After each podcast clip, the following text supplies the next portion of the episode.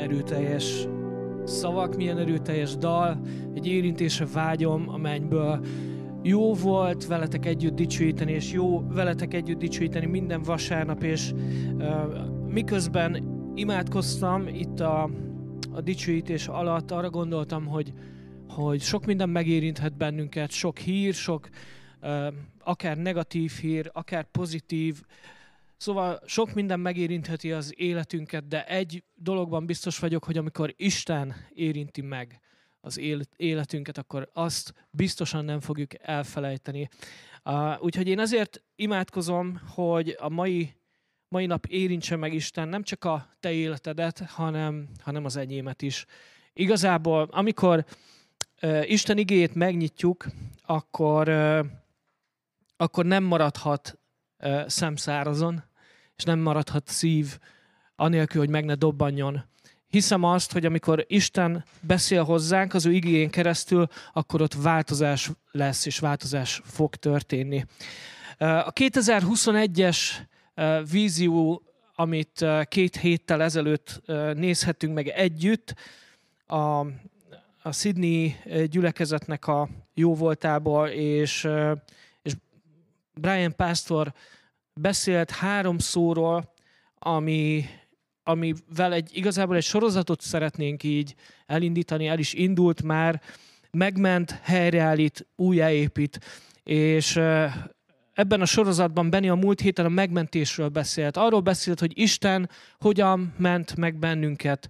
A Lukás 4.18, és ez most csak egy kis ismétlés, egy kis felfrissítés, hogy egy picit kerüljünk újra képbe. A Lukás 4.18 azt mondja, pontosabban ott Jézus idéz egy ézsaiási igét, az örökkévaló szelleme van rajtam, mivel felkent engem, hogy örömhírt mondjak a szegényeknek. Elküldött, hogy szabadul, szabadulást hirdesek a foglyoknak, a vakoknak pedig szemük megnyílását, hogy megszabadítsam a szenvedőket és az elnyomottakat. Hogy megszabadítsam a szenvedőket és az elnyomottakat.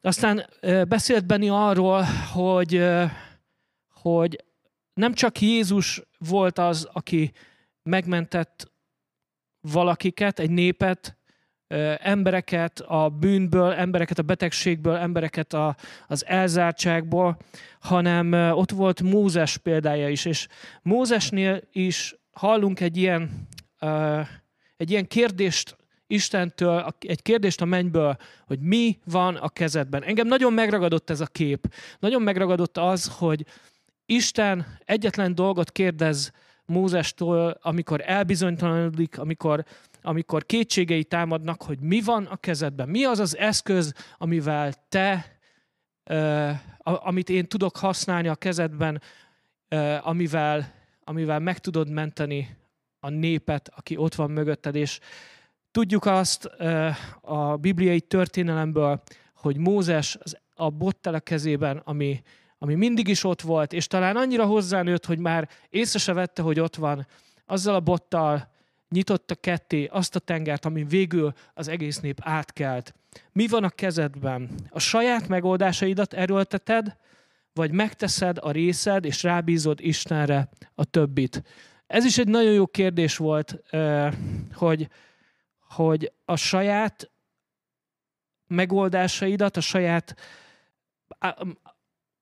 elméd által kreált megoldásokat szeretnéd előtérbe helyezni, vagy pedig megteszed a részed, hozzáadod azt, ami a kezedben van, és rábízod Istenre a többit. Bennem nagyon sok gondolatot elindított, mert, mert a megmentés az, hogy Isten Jézus Krisztuson keresztül megment bennünket, az hiszem azt, hogy egy nagyon emlékezetes momentum az életünkben. De ha csak eddig jutunk el, ha csak addig marad, ha csak ott maradunk, hogy rendben van, Isten megmentett, de innentől kezdve semmit nem kell változtatnom, akkor, akkor megragadunk a történelmünk egyik pillanatában.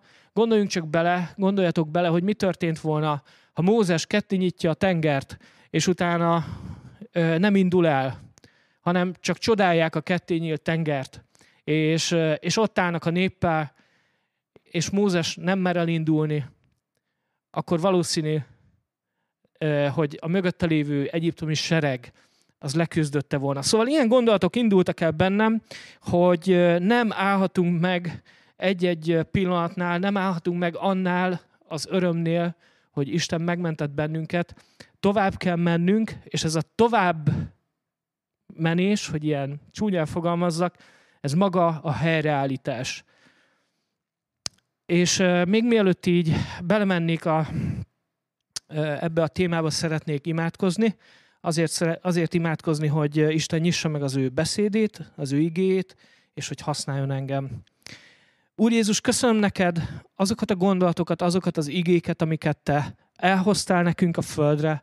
Köszönjük azt, hogy te vagy a messiás, te vagy a mi királyunk, és abban a királyságban, amiben élünk és mozgunk, abban te vagy az Úr.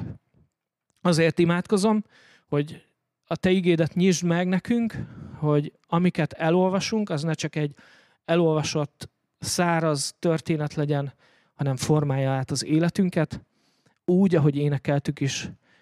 Kérlek, hogy nyisd meg az én számat, és bármit, amit mondok, és ami nem odaillő, azt te segíts elfelejteni. És azt, ami, ami viszont tőled van, az pedig legyen egy olyan mag, ami behull az életünkbe, és megtermi a 30-60 és százszorosát. Jézus, ezért imádkozom, és legyél velünk a következő 20-30 percben, hogy ahogy együtt, ime, e, együtt olvasjuk a te igédet, a te beszédedet, az elevenedjen meg számunkra. Amen.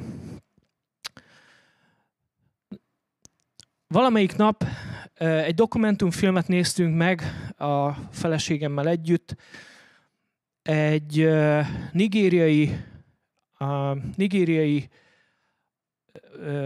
helyzetről, ami a Boko Haram iszlamista terrorszervezetnek a, az egyik tevékenységét dolgozza föl. Pontosabban az, hogy 2014. április 14-én a Boko Haram 276 iskolás lányt rabolt el egy Csibok nevű kisvárosból. Ismeretlen helyre hurcolták őket egy éjszaka alatt. A céljuk az volt, hogy rabszolgának és a terrorszervezet tagjainak, fe, tagjainak feleségként adják oda őket, illetve adják el őket. A, ez az esemény, ez a 276 lánynak az eltűnése óriási nagy vízhangot keltett a sajtóban is. A világ sajtóban hozzátok vissza a lányainkat, hashtaggel jelentek meg, fényképek az elrabolt lányokról, hírességek, politikusok, zenészek követelték az elrabolt lányoknak a szabadon engedését. 2017. május 7-én 82 lány szabadon, 82 lányt szabadon engedtek a terroristák. A szabadon engedett lányokat végül, pontosabban nem végül, hanem ezekben a napokban egy kormányzati titkos intéz, intézménybe vitték, ahol fél év megfigyelés alá vetették őket, mert attól tartottak, hogy a lányok radikalizálódtak a terroristáknak a környezetében, és így nem engedték vissza őket a családjaikhoz, nem engedték vissza őket a társadalomba. A riportban szereplő lányok szinte mindegyike a következőt mondta. Örülök, hogy épségben itt vagyok, de már alig várom, hogy végre az otthonomban lehessek a szeretteimmel. Három és fél év után, 2018-ban végül mindannyian hazatérhettek a szeretteikhez. Megment, helyreállít, újra, újraépít. Megment, helyreállít, újraépít. Az, hogy ezek a lányok megmenekültek, még nem jelentette azt, hogy a megmenekülésük pillanata az a helyreállásuk és a helyreállításuk pillanata is volt. Azt a traumát, azt a sok nehézséget, amiket átéltek, ami megtörtént velük, az nem jelentette azt, hogy egy pillanat alatt megtörtént a helyreállás. És valójában így van ez, hogy amikor valaki megment téged, akár Jézus is megment téged, ezzel még nem feltétlenül következik be a teljes helyreállás. Ahogy ezeknél a lányoknál is, a helyreállást végül az hozta el, hogy megérkezhettek az otthonukba. És mi másról szólna a gyülekezet, mint arról, hogy hazaérkeztünk? Mi másról szólna a helyreállásnak a kezdete, mint hogy megérkeztünk az otthonunkba? A gyülekezet az nem véletlenül, a gyülekezetünk nem véletlenül mondja azt, hogy üdvözlünk itthon, azért szeretnénk ezt nem csak egy szlogenné tenni, hanem valósággá, mert hiszük azt, hogy a gyülekezet egy olyan otthon lehet, ahova megérkezhetsz bármilyen múltal, bármi történt veled, itt otthon tudsz lenni. Megment, helyreállít, újjáépít. A Biblia tele van olyan történetekkel, amik a helyreállásnak a történetei. Isten helyreállít kapcsolatokat. Ha megnézzük Ézsau és Jákob történetét, ahol Ézsau-tól Jákob elveszi az elsőszülöttségi jogát, kés, később azt olvashatjuk Jákob és Ézsaúnak a történetében, hogy hosszú-hosszú évtized után Ézsau végül rábokkan Jákob nyomára, és elhatározza, hogy megöli a saját testvérét. És Isten közbeavatkozik, és végül, amikor találkoznak, akkor egymás nyakába borulva bocsánatot tud kérni Jákob Ézsautól. Isten helyreállít egy kapcsolatot. Aztán Isten helyreállít egészséget. Az Ószövetségben van egy Anna nevű nő, aki meddő volt. Isten mégis helyreállította az egészségét. Helyreállította, és, és hamarosan egy ima után, amit a templomban tesz, megszületik a fia, Sámuel. Tehát Isten helyreállítja az egészséget. Isten helyreállít pénzügyileg kilátásra a helyzeteket. Dávid király élete során, aki ugye Izrael uralkodója volt, második királya volt, pénzügyileg sikeressé tette Izraelt. Miért? Azért, mert Isten pénzügyileg helyreállította ezt a népet. Istennek már a történelem kezdetekor az volt a terve, hogy közte és az ember között létrejött törést helyrehozza. Tehát amikor azt olvassuk, hogy Isten megment, helyreállít és újjáépít, akkor ez nem egy 2021-es új szlogen, hanem a Bibliának az üzenete, a Bibliának a közepe. Ott volt Ábrahám, akinek Isten ígéretet tett, hogy benne fogja helyreállítani az ígéretét, és annyi utódja lesz, mint az égen a csillag. Egy picit utána olvastam, de most nem Ábrahámról szeretnék beszélni, viszont nagyon megdöbbentett egy gondolat, amit Istennek őszintén elmond Ábrahám, hogyha nem lesz utódom, akkor az egyik szolgámnak kell odadni örökségül azt a, azt a földet, amit tőled kaptam Istenem. És azt mondja Isten neki, hogy nem a szolgát fogja megörökölni ezt a földet, hanem, hanem a fiaid, és a fiaidban pedig minden nép és minden nemzet. Tehát Ábrahámon keresztül a helyreállítást elkezdte bennünk Isten. Most nem, ö, nem marad, nem lesz időnk minden történetre, amit, ö, amiben Isten a helyreállás, a megmentésnek és az újjáépítésnek az üzenetét mondja, de tedd meg magadnak célul, hogy ebben az évben kigyűjtöd azokat az igéket, amik a megmentésről, a helyreállításról és az újjáépítésről szólnak. Elmélkedj azon, gondolkozz azon, hogy Isten mit akar neked ezen a, ezeken az igéken keresztül üzenni. Mert ebből megérthetjük, hogy Isten szíve hol és kivel van. Spoiler alert, az emberekkel van. Úgyhogy de elmélkedj, gondolkozz, vedd elő a Bibliát, keresd meg azokat az igéket, amik a megmentésről, a helyreállításról és az újjáépítésről szólnak, mert legyünk őszinték, nem mindig, nem mindig elég az, hogyha vasárnap fél órára megnézzük azt, hogy éppen valaki beszél Isten igéjéről. Lehet, hogy hétközben neked sokkal mélyebb gondolatokat akar Isten adni. És a, az eszköz pedig itt van a kezedben, ez pedig nem más, mint az ő igéje. Itt van a Biblia tele olyan üzenetekkel, olyan helyzetekkel, olyan eseményekkel, amik arról szólnak, és azt mutatják meg, hogy Istennek milyen a szíve felénk. A Lukács evangélium a 15. részét fogjuk elolvasni, az egész 15. részt, És ha azt mondom, hogy az elveszett jó, az elveszett ezüstpénz és a tékozló fiú története, akkor sokaknál valószínűleg most már benyomtam egy olyan gombot, ami, ja, tudom, igen. Tudom, hogy miről van szó, úgyhogy lehet, hogy kisenyítom a Bibliát, hiszen már úgy is tudom fejből az egészet. Gyerekkoromtól gyülekezetbe járok, és hogyha őszinte akarok lenni, ezt a hármas példázatot, de leginkább a tékozló fiúnak a történetét én legalább 2000-szer már meghallgattam, valamilyen formában. Mindig az volt a csúcs, amikor a tékozló fiú hazatért, és az apja örömmel hazafogadta. És ez így is van. Tényleg ez a csúcsa ennek a történetnek, és ennek a hármas történetnek. De mégis hiszem azt, hogy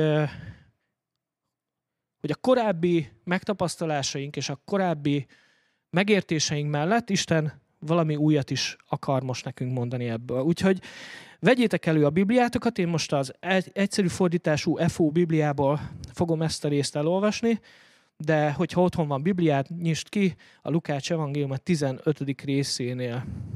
Három történet, és ezen fogunk végigmenni.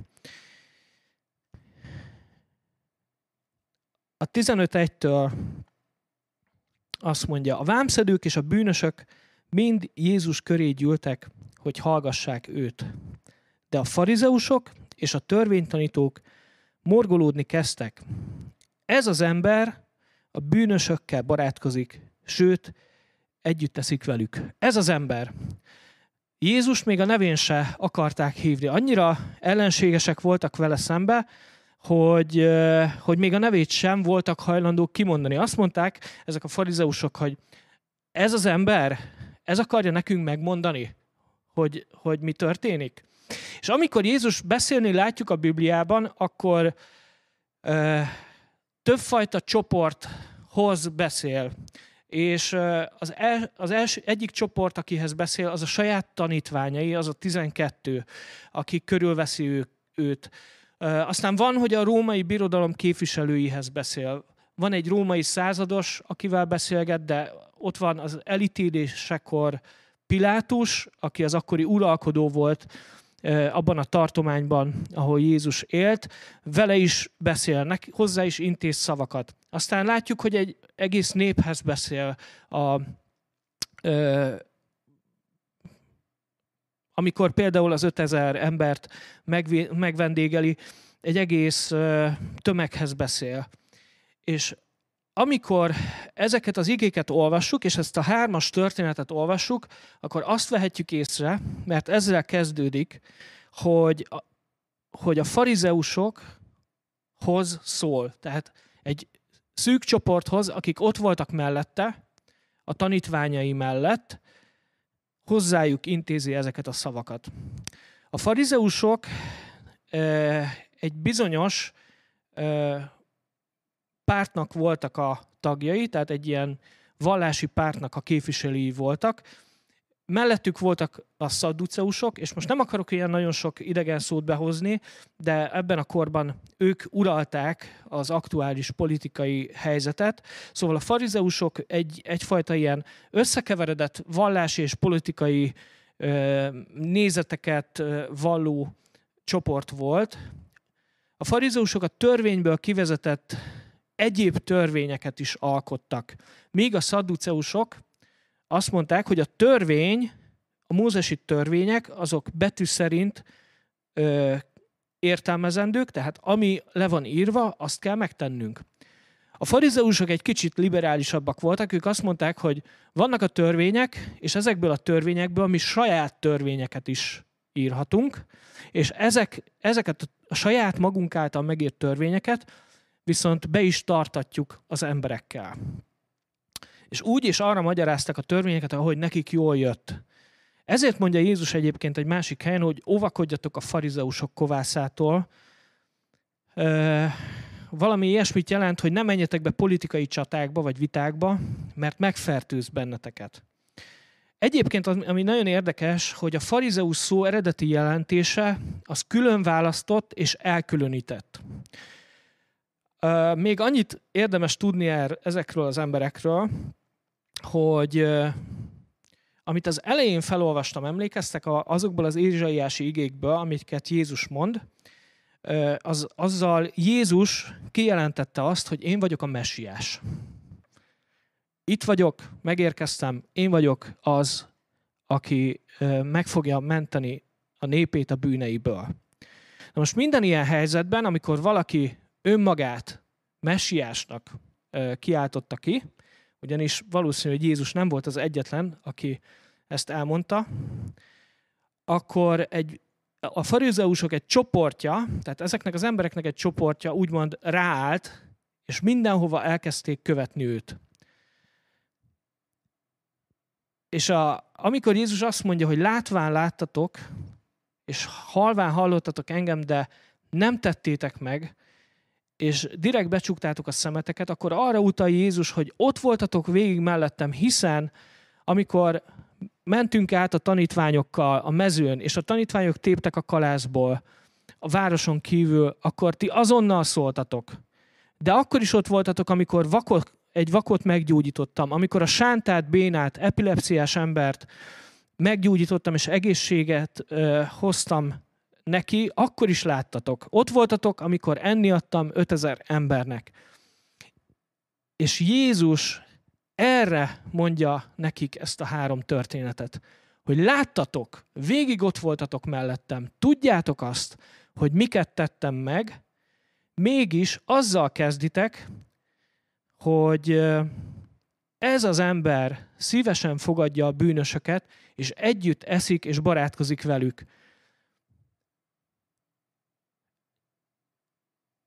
Ti mondjátok magatokat elkülönültnek?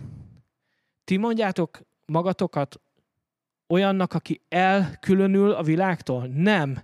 A valódi elkülönültek és a valódi elveszettek, ezek az emberek, akikről ez a példázat szól.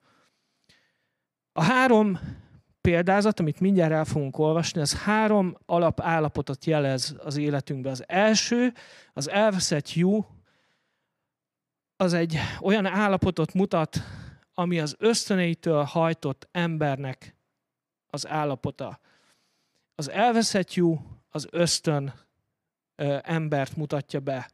Azt, hogy én ösztönösen megyek a saját fejem után, és nem érdekelnek a többiek, én elszakadok, elmegyek, de az ösztöneim hajtanak. Az elveszett ezüstpénz az, az az ember, azt az embert jelképezi, aki nincs tudatában az elveszettségének.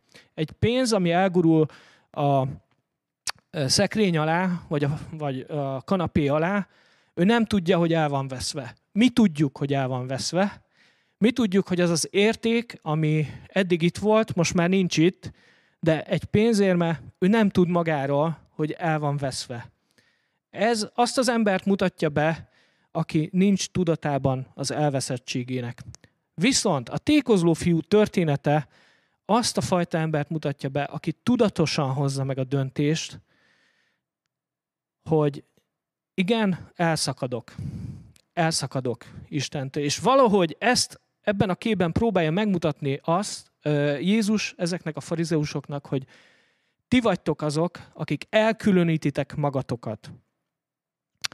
Most pedig akkor el fogjuk olvasni az egész részt, hogyha benne vagytok, és utána pedig átbeszéljük, hogy milyen értékes gondolatok vannak ebben. Szóval így folytatja. Ekkor Jézus a következő példázatot mondja nekik. Ha van száz juhod, és az egyik elveszett, mit teszel? Ugye, hogy ott hagyod a 99-et a pusztában. Utána mész annak az egynek, amelyik elveszett, és addig keresed, amíg meg nem találod. Mikor pedig megtalálod, nagy örömmel a válladra veszed, és hazaviszed. Azután örömmel elújságodod a szomszédaidnak, hogy megtaláltad az elveszett juhodat. Ezért azt mondom nektek, Nagyobb öröm lesz a mennyben egyetlen bűnös miatt, aki visszatér Istenhez, mint 99 igaz miatt, akinek nincs szükségük erre. Vagy tegyük fel, hogy egy asszonynak tíz ezüst pénze van, és az egyiket elveszti. Mit gondoltok, mit fog tenni? Lámpát gyújt, gondosan felsöpri az egész házat, és addig kutat utána, amíg megtalálja az elveszett pénzt. Azután örömmel elújságolja a szomszédainak, hogy megtalálta elveszett ezüst pénzét. Ezért azt mondom nektek, Isten angyalai ugyanígy örülnek, amikor egy bűnös visszatér Istenhez. Azután így folytatta. Egy embernek volt két fia. A fiatalabbik azt mondta az apjának, apám, add ki az örökségemet. Ekkor az apa szétosztotta a vagyonát a két fiú között. Nem sokkal azután a fiatalabbik minden vagyonát pénzétette, és elköltözött egy távoli országba. Ott olyan költekező életmódot folytatott, hogy hamarosan mindenét elpazarolta. Miután már minden pénze elfogyott, éhínség támadt azon a vidéken, és a fiú is nélkülözött. Ezért munkát vállalt egy ottani gazdánál, és elfo- ö, fel, aki felfogadta, hogy a disznó nyáját őrizze. A fiú már annyira éhes volt, hogy még abból is szívesen evett volna, amit a disznóknak ettek, de senki nem adott neki. Végül belátta, hogy mennyire ostoba volt, és azt mondta magába, apám minden szolgájának bőségesen, apám minden szolgájának bőségesen megvan mindene, én meg itt halok éhen azonnal elindulok, visszamegyek apámhoz, és azt mondom neke, neki, apám, védkeztem Isten ellen és ellened is. Nem vagyok többé méltó, hogy a fiadnak hívjanak, de legalább hadd álljak be a béreseit közé. Ezzel a fiú elindult, hogy visszatérjen az apjához. Még messze volt a háztól, amikor az apja meglátta és megsajnálta. Eléje szaladt, a nyakába borult, megölelte és megcsókolta. A fiú pedig ezt mondta, apám, védkeztem Isten ellen és ellened is. Nem vagyok többé méltó, hogy a fiat legyek. De az apja ezt parancsolta a szolgának. Siessetek, hozzátok ide a legszebb ruhát, és adjátok rá. Húzzatok gyűrűt az ujjára, és sarut a lábára. Azután vágjátok le a hízott borjút, hogy együtt ünnepeljük, mert a fiam meghalt, de feltámadt. Elveszett, de megtaláltam. Ezután ünnepelni kezdtek. Az idősebb fiú ez alatt a mezőn volt, amikor hazafelé jött, és a ház közelébe ért, meghallotta a zenét és táncot. Oda hívta egyik szolgáját, és megkérdezte tőle, mi történt. Hazajött az öcséd, felelte a szolga. Apát pedig levágta a hízott borjút, mert épségben kapta vissza a fiát. Emiatt az idősebb fiú megsértődött, és nem akart bemenni a házba. Az apja kiment hozzá, és kérlelte, hogy jöjjön be. Ő azonban így válaszolt. Látod, én évek óta szolgálok, és teljesítem minden parancsodat, de nekem még egy kecsk, kecskét sem adtál soha, hogy a barátaimmal mat vendégül lássam.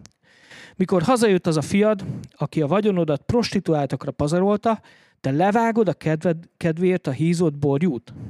Az apja erre így válaszolt. Fiam, te mindig velem vagy, és minden vagyonom a tiéd. Most gyere, ünnepeljük, és örüljünk együtt, mert öcséd meghalt, de feltámadt.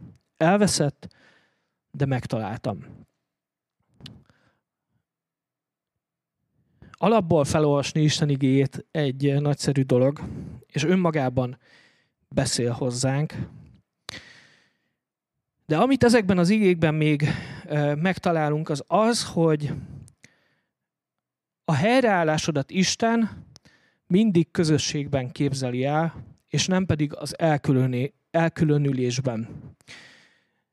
Ugye emlékszünk, hogy ez a történet a farizeusokkal indul, és nekik szól, hozzájuk beszél Jézus. Ők azt mondták magukról, hogy mi el vagyunk különülve, mi külön vagyunk a, a, ezektől az emberektől. Ezt is vetik Jézusnak a szemére, hogy te hogyan állsz le ezekkel az emberekkel beszélni, ezekkel a bűnösökkel. Ugyanis a farizeusok a közösségépítést abban látták, hogy létrehoztak egy elkülönült közösséget a közösségen belül, ahol kívülről is jól láthatóan el tudtak különülni, és felosztották a világot a ti és a mi világunkra. A ti és a mi világunkra. Ők voltak a mi ö, halmazban, és a többiek voltak a ti halmazban. És én nagyon sokszor hallom azt, amikor ö, ö, egy gyülekezetben valaki valamiért megsértődik valakire, hogy elkezd megváltozni a beszéde, és elkezdi a mi helyett azt mondani, hogy ti. Amikor beszélgetünk, és azt mondja, hogy hát igen, ti a gyűlibe így meg így csináltok, akkor én mindig felkapom a fejem. Mert azzal, hogy visszamentünk, és e, visszaléptünk abba, hogy hát akkor biztos vagytok ti, és biztos vagyok én, akkor ott már is feloszlott két részre a közösség. Szükséged van másokra, hogy teljes legyen az identitásod. Ezért van szükségünk arra, hogy mi magunkról ki tudjuk azt mondani, hogy igen, ezek mi vagyunk. Amikor itt a, az igéket olvastam, van egy visszatérő gondolat, az mind a három történetben megjelenik, azt mondja az elsőnél, otthon összehívod a barátaidat és a szomszédaidat, és azt mondod, gyertek, ünnepeljetek velem együtt, mert megtaláltam az elveszett juhomat. Amikor a pénz kerül elő, azt mondja, gyertek, ünnepeljetek velem együtt, mert megtaláltam elveszett ezüstpénzemet. És a, ez az apa pedig azt mondja, hozzátok elő a hízóborjút, vágjátok le, hogy együtt együnk és együtt ünnepeljük, mert a fiam meghalt, de feltámadt, elveszett, újra megtaláltam. Ezután ünnepelni kezdtek együtt. Együtt. Központi elem ezekben az igékben és ezekben a gondolatokban az, hogy együtt. És nem véletlenül van a gyülekezetünknek is az egyik jelszava az, hogy együtt csináljuk. Igen, azért csináljuk együtt, mert amikor közösségben vagyunk, akkor, akkor az identitásunk változni tud. És azt gondolom, hogy ez nem egy új irány, amikor az emberek elkülönülnek, és azt mondják, hozzám külön is tud beszélni Isten, én egyedül is tudom olvasni a Bibliát, én egyedül is tudok imádkozni, nekem, nekem nincs szükségem arra, hogy ö, mások megmondják, hogy mit gondoljak, és ebben lehet, hogy igazad is van. Viszont valamiért Isten ezekben a példákban is azt mutatja, hogy együtt valami, valami sokkal nagyobb dolgot tudunk elérni, mert együtt sokkal jobban tud formálódni az identitásunk. Ez volt ennek a, a fiúnak is a megmenekülése és a helyreállásának az első kulcsa, hogy megértette azt, hogy egyedül elszakadva több tíz vagy száz kilométer az otthontól nem tud megmaradni egyedül csak együtt, csak akkor tud helyreállni, hogyha visszakerül abba, arra a helyre, ahova, eh, ahol, ahol az otthona van. Együtt, csak is együtt. Aztán eh, a Lukás 15.20-ban azt olvassuk, hogy hogy ugye ez a fiú elindult, hogy visszatérjen az apjához, hiszen elhitte és elfogadta azt, hogy csak együtt tud másokkal túlélni. És azt mondja, még messze volt a háztól, amikor az apja meglátta és megsajnálta. Eléje szaladt, a nyakába borult, megölelte, és megcsókolta. A fiú pedig ezt mondta, apám, védkeztem Isten ellen és ellened is. Nem vagyok többé méltó, hogy a fiad legyek. Az első gondolat, amikor Isten megment bennünket, lehet, hogy a, a múltunk miatt, lehet, hogy a saját döntésünk miatt, de nagyon sokszor ugyanez, nem vagyok többé méltó, hogy a fiad legyek. Viszont Isten itt egyértelműen e, azt mondja, hiszen ez az apa ebben a példázatban maga Isten őt képviseli ebben a példázatban, hogy az apja ezt parancsolta a szolgáknak, siessetek, hozzatok e, a legszebb ruhát, adjátok rá, húzzátok a gyűrűt az ujjára, mert a fiam meghalt, de feltámadt, elveszett, de megtaláltam. Hidd el, hidd el, hogyha téged Isten fiúnak hív. Hidd el és fogadd el. Nem lesz könnyű. Tudom, hogy miről beszélek, mert amikor én Istenhez visszatértem, tíz évvel ezelőtt egy nagyon-nagyon nehéz kapcsolati törés után, amiben minden bizalmat elvesztettem az emberekbe, a környezetemben, és ha nem is ennyire mélyre kerültem, mint ahogy ez a tékozló fiú, de én is e, úgy éreztem, hogy eltávolodok Istentől, hiszen elhittem azt, hogy nem vagyok méltó arra, hogy a fiadnak hívj. És emlékszem arra a pillanatra, amikor ö, ott ültem egyedül a szobában, gyakorlatilag egy teljesen üres szoba volt, egy Biblia volt előttem, és azt mondtam, hogy nem vagyok rá méltó, hogy kinyissam ezt a Bibliát. És ez nem egy ilyen önostorozó valami volt, hanem az akkori állapotomnak a, a legmélye volt. És, és tényleg ezek a hangok forogtak a fejemben, hogy, hogy nem vagyok arra méltó, hogy szólj hozzám Istenem. Elveszítettem mindenkiben a bizalmamat, elveszítettem a, a gyülekezetben a bizalmamat. És mégis Isten elkezdett a saját nevemen hívni újra. Ebben a példázatban nagyon szép az a kép, ahogy Jézus Istent ö, bemutatja nekünk. Azt mondja, hogy még messze volt a háztól, amikor az apja meglátta és megsajnálta. Isten nem azzal a fajta sajnálattal jön feléd, amivel mi általában megyünk az elesettek felé. A két sajnálat között nagyon nagy különbség van, ugyanis amikor mi egy elesett embert látunk, akkor tudjuk, legalábbis én úgy vagyok vele, hogy én nem tudok rajta segíteni. Nekem az erőforrásaim kevesek, hogy segíteni tudjak. Viszont Isten sajnálata, amikor Isten lehajol, megment bennünket, akkor ő nem csak a sajnálatot adja ehhez, hanem a kezét is. És amikor Isten keze elkezd fölemelni téged, akkor arra a pozícióra fog emelni, amit úgy hívunk, hogy fiúság. A Lukács evangéliumban nagyon szépen kibontja ezt itt. Isten fiúnak lát téged. Mert ebben a történetben, valójában a tékozló fiú történetében mi mindannyian benne vagyunk. A harmadik pontom, és a zenészek jöhetnek is föl, mert hamarosan le fog járni. Sőt, már túl is mentem a, az időmön. De a harmadik pont, és még ez egy nagyon érdekes dolog, hogy a kérdés az, hogy fiú vagy béres vagy. Hogy fiúnak látod magad, vagy béresnek. Nézzük meg, itt van egy nagyon érdekes gondolat. Az idősebbik fiú azt mondja az apjának, látod, én évek óta szolgálok, és teljesítem minden parancsolat. De nekem még egy kecskét sem adtál soha, hogy a barátaimat vendégül lássam. Még egy kecskét sem adtál soha. Milyen érdekes, hogy ha visszaugrunk a 11. illetve 12. versre, akkor azt olvashatjuk, hogy ez az apa szétosztotta a vagyonát mindkét fiú között.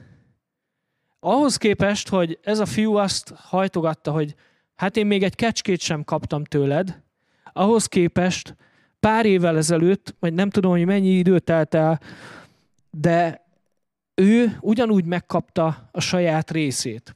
Ezért az én olvasatomban ez a történet, ez nem egy tékozló fiúról szól, hanem két tékozló fiúról. Miért? Azért, mert bár ez a második fiú, ez otthon maradt,